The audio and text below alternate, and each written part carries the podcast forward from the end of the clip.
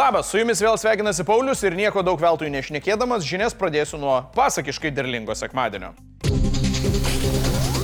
Vakar ukrainiečių bepiločiai atakavo Novatek gamtinių dujų terminalą esantį Ust-Lugos uoste prie Baltijos jūros. Čia dujų kondensatas buvo perdirbamas į lėktuvų ir laivų kūro komponentus tiekiamus Rusijos kariuomeniai. Dronų naktinio vizito sulaukė Tuloje esanti zenitinių raketų kompleksų Pansir gamykla. Dėl šių išpolių Mordoras buvo priverstas atitraukti dalį oro gynybos, kad apsaugotų strateginius objektus užnugarėje.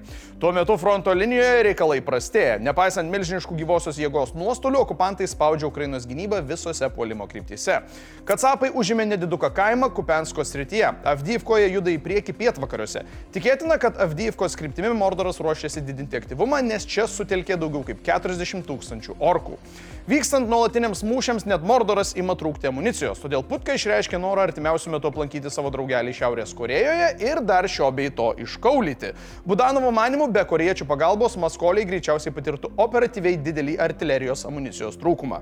Tuo metu Huilo pats laikas pradėti nerimauti ne dėl amunicijos trūkumo, o dėl maždaug 20 tūkstančių pagruptų ukrainiečių vaikų, kurie buvo prievarta deportuoti į Rusiją. Maskva teisinasi, kad vaikai išvežti savo norų.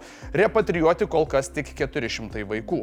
Junktinių tautų vaikų teisų komitetas bandys gauti atsakymus, ką pagrobėjai padarė, kad apsaugotų šių vaikų teisę į savo identiteto, įskaitant pilietybę, vardą ir šeimos ryšius išsaugojimą.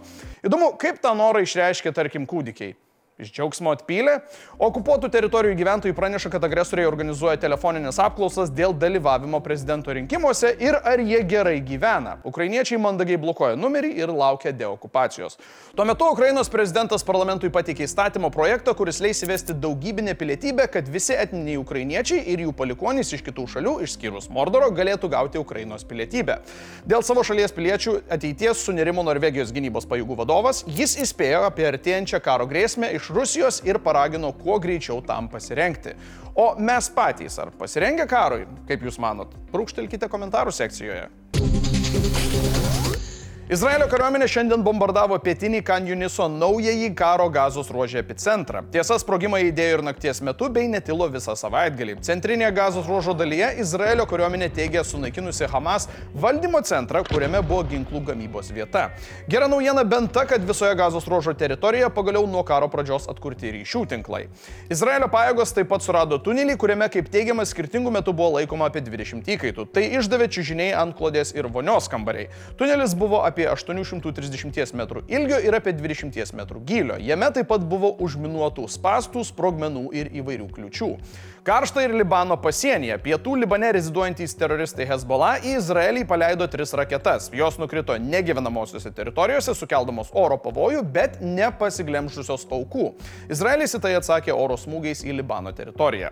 ES užsienio politikos vadovas Josepas Borelis prieš pradėdamas dėrybą su Izraelio ir palestiniečių aukščiausio rango diplomatais ragino siekti dviejų valstybių sprendimo ir sakė, kad žydai neturi šansų pasiekti taikos karinėmis priemonėmis arba prievartą prieš palestiniečius. Labai panašu, kad tokios nuomonės pradeda laikytis ir Hamas laikomų įkaitų šeimos. Sekmadienio vakarą grupė įkaitų šeimų ir protestuotojų užblokavo eismą prie Izraelio ministro pirmininko Benjamino Netanjahu privačios rezidencijos, reikalaudami, kad vyriausybė su Hamas sudarytų susitarimą.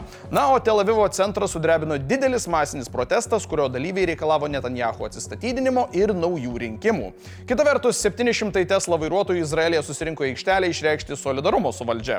Benjaminas Netanjahu nesutiko su Hamas reikalavimu nutraukti nutraukti karą mainais į gazos ruožę laikomų įkaitų paleidimą. Pasak jo, tokiu atveju izraeliečių kariai būtų paukoję gyvybės be reikalo, plus nebūtų užtikrinamas jo šalies saugumas. Hamas kovotojai pagrobė apie 250 įkaitų, o Izraelis teigia, kad apgultame gazos ruožė vis dar laikomi maždaug 132 žmonės.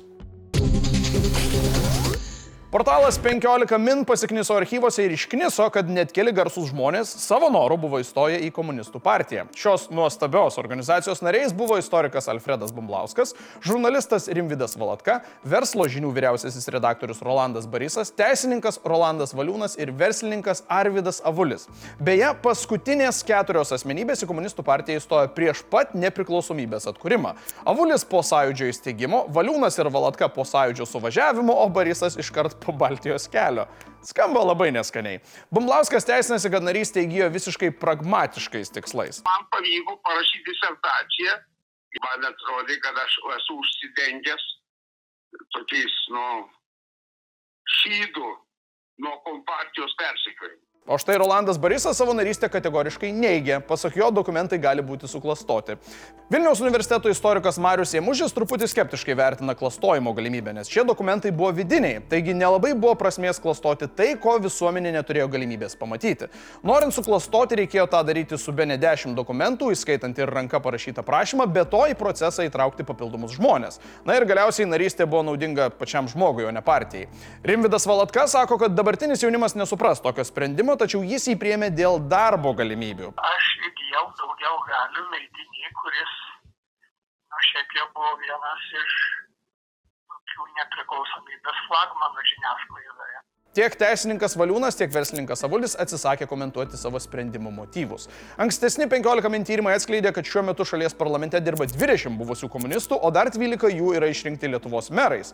Kaip manote jūs, ar turėtų vieši asmenys nurodyti savo narystę? Ir ar jums tai kažką keičia, kad žmogus buvo komuniaga? Irgi pasižymėkite komentaruose. Blitz naujienos. Mąstė, mąstė ir sumastė. Ponaitis antisemitas Žemaitaitis paskelbė sieksantis kandidatuoti prezidento rinkimuose. Sakė, komanda pritarė ir palaiko, o tauta juk turi turėti šansą rinktis. Na, kad taptų kandidatu, jam reikia surinkti 20 tūkstančių jo kandidatūrą remsiančių rinkėjų parašų, sumokėti užstatą ir pateikti atitinkamus dokumentus. Žiūrėsim, kaip pasiseks. Parodykime mes Lietuvos tam elitui, kurie save prisiskiria. Kad ne jie sprendžia, kas valstybei vadovaus. Teisėjai nepasimoko, išgėrus vairuoti negalima. Prie vairo sekmadienio rytą buvo sustabdytas Vilniaus regiono apylinkės teismo teisėjas Vilmantas Ambrulevičius ir dar prieš 10 val. ryto teisėjas sugebėjo pūsti 1,16 promilės. Po įvykio šiandien pats Ambrulevičius pateikė prašymą atleisti jį iš pareigų. Teisėjus skiria ir atleidžia prezidentas teisėjų tarybos patarimu. Panevežėje penktame bendrabučio aukšte sprogo nedidelis būtinių dujų balionas. Nukentėjo žmogus, apgadinti du būtai. Sugriuvo būtus skirianti sieną. Šiandien ekstremalių situacijų operacijų centras nusprendė, kad bus atliekama pastato ekspertizė. Kol kas pastate paskelbta ekstremali situacija. Ekspertai turi įsitikinti, ar gyventojai tikrai galės grįžti gyventi į namą. Kol ekspertizė bus atliekama, septynių būtų gyventojai gyvens laikinuose būstuose. Iniciatyvinė grupė Stop prekybai Rusijoje atsikirto Šarūnui Matjošaičiui dėl jiems iškelto reikalavimo. Iniciatyvinė grupė pateikė daug argumentų įrodančių Autovičiai ir Vičiūnų grupės sąsajas. Vieni tokių dar 2022 metais paviešintose UAB Autovičiai ir UAB Vičiūnų grupė finansinėse ataskaitose yra teigiama, kad Vičiūnų grupė ir Autovičiai bei UAB VH Holding yra susiję asmenys. Be to, dar praėjusiu metu Liepos 3 dieną Matjošaitis pripažino esantis Autovičiai direktoriumi ir Vičiūnų grupės generaliniu direktoriumi. Ponės ir ponai, priminu komentaruose pasidalinkite savo nuomonę, ar jūsų požiūriu esame pasirengę dienai X. Nu ir dar pasidalinkit, ar keičia jums kažką faktas, kad žmogus praeitį komuniaga buvo, komunisto duonos valgė. O be to norėjau dar pasiklausyti tokio klausimo, truputėlį ne į temą, truputį linksmėsnė gaida. Vis dar šalta, o šiandien dar žiaurus vėjas, bet kilo tokia mintis, o jūs valgot šiaip žiemą ledus? Irgi pasidalinkit komentaruose, man asmeniškai labai aktualu. Is she getting it?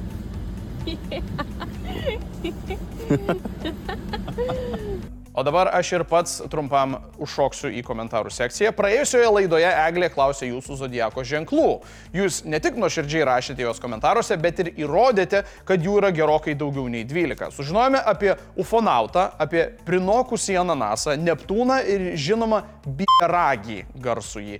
Na, o Rolandas Žaldaris pagal žvaigždės yra tiesiog šlikštų šuo.